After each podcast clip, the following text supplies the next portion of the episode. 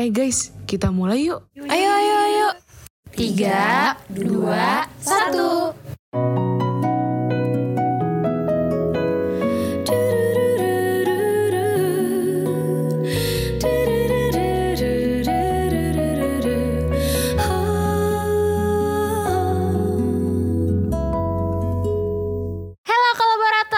Selamat datang di iPod. IKK Podcast. Halo fans Bertemu lagi dengan kita Podcast Asa.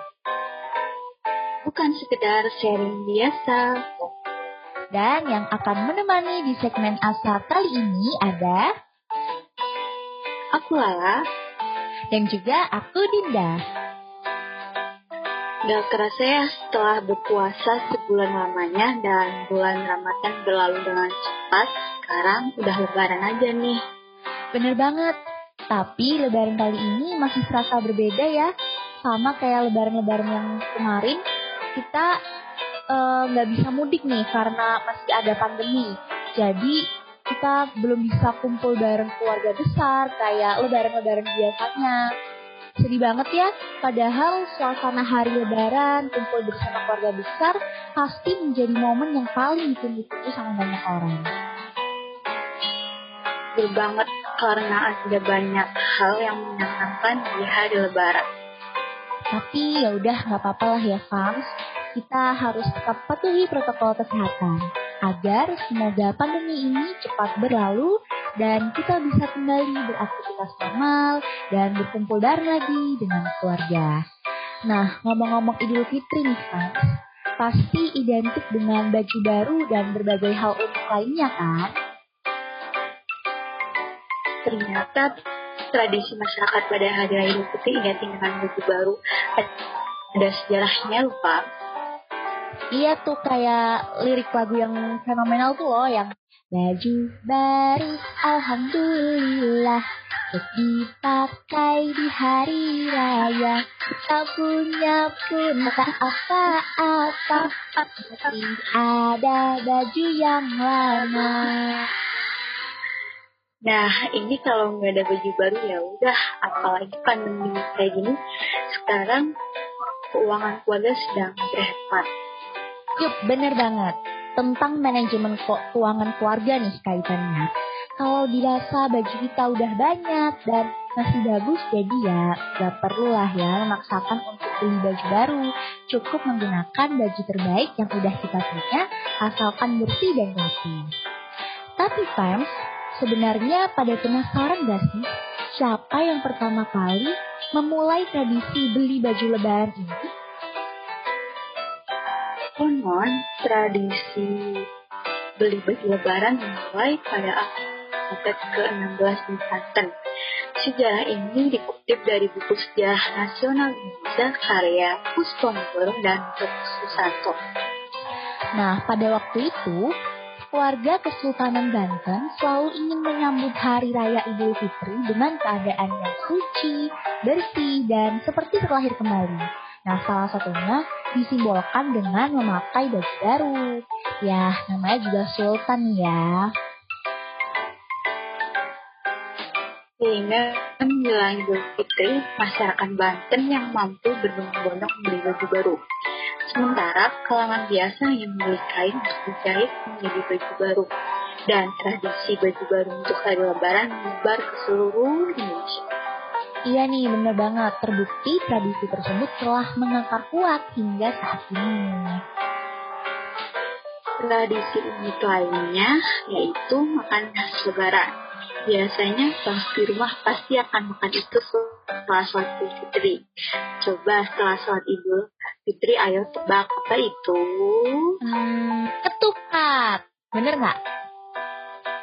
Betul sekali. Nah, Fems tahu nggak sejarah dan makna yang mendalam tentang makna tentang makanan yang satu ini? Kalau aku sejarahnya belum tahu, tapi maknanya aku tahu. Nah, untuk sejarahnya, menurut ahli sejarah mengungkapkan bahwa awalnya ketupat bukan identik dengan tradisi Islam atau lebaran. Ketupat sudah ada pada masa pra-Islam dan tersebar di wilayah hampir di Asia Tenggara dengan nama yang berbeda-beda. Selain itu, ketupat juga identik dengan tradisi animisme. Dulu, masyarakat agraria yang tersebar di Nusantara memiliki tradisi menggantung ketupat di tanduk kerbau untuk mewujudkan rasa syukur karena panen yang dihasilkan. Selain itu juga, pada abad ke-15 dan ke-16, Sunan Kalijaga sebagai salah satu pendakwah di Pulau Jawa menggunakan budaya untuk menyiarkan agama Islam. Karena ketupat identik dengan masyarakat agraria, akhirnya Sunan Kalijaga mengkreasikan makanan itu sebagai kuliner yang khas dengan momen lebaran. Banyak sejarah lisan yang berkembang yang mengatakan bahwa Sunan Kalijaga yang kali pertama menggunakan ketupat sebagai aksesori khas lebaran. Nah, cara inilah yang dianggap menarik minat masyarakat Jawa terhadap Islam. Titik tolaknya ketika Sunan Kalijaga menyebarkan Islam di kalangan masyarakat Jawa yang saat itu masih transisi beragama Islam.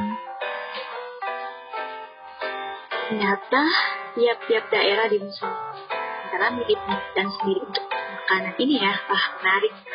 Di masyarakat Jawa dan Sunda biasanya mereka menyebutnya dengan nama kupat, sementara di Melayu disebut ketupat. Masyarakat Bali juga mengenal makanan ini dengan nama tipat. Pada wilayah yang lain ada juga yang menyebutnya ketumpat. Makna filosofi makanan khas lebaran ini adalah ketupat memberi makna untuk mengakui kesalahan. Maknanya diambil dari bahasa Jawa pulau lepat, ngaku lepat. Yang artinya saya salah, saya mengakui kesalahan. Artinya seseorang bisa mengakui kesalahan kepada orang lain apabila mereka pernah berbuat salah. Apabila setelah mengaku salah, tepat dan minta maaf. Jadi harus untuk kesalahan yang sudah dimaafkan sehingga kekerabatan serta persaudaraan terjalin selalu. Wah, maknanya dalam banget nih ya, fans. Betul banget. Jangan lupa saling memaafkan di hari lebaran ini yang merupakan momentum untuk bersilaturahmi dengan keluarga, sanak saudara, dan anak kawan ya, Pak. Semoga sharing-sharing dari kami ini dapat menambah wawasan dan pemahaman yang baru bagi fans kalian dalam memaknai hari lebaran. Kami dari ASA mengucapkan Selamat Hari Raya Idul Fitri tahun 1442 Hijriah bagi yang merayakan dan mohon maaf lahir dan batin. Taqabbalallahu minna wa minkum siyamana wa siyamakum ya'lanallahu minna aidin wa sa'idin. Semoga Allah menerima amal-amal kami dan kamu, puasa kami dan kamu. Dan semoga Allah menjadikan kami dan kamu termasuk dari orang-orang yang baik dari perjuangan Ramadan sebagai orang yang menang. Sampai bertemu lagi dengan kita di podcast Asa selanjutnya. Selamat merayakan Hari Raya Idul Fitri, Pak. Yeay, dadah. Dadah.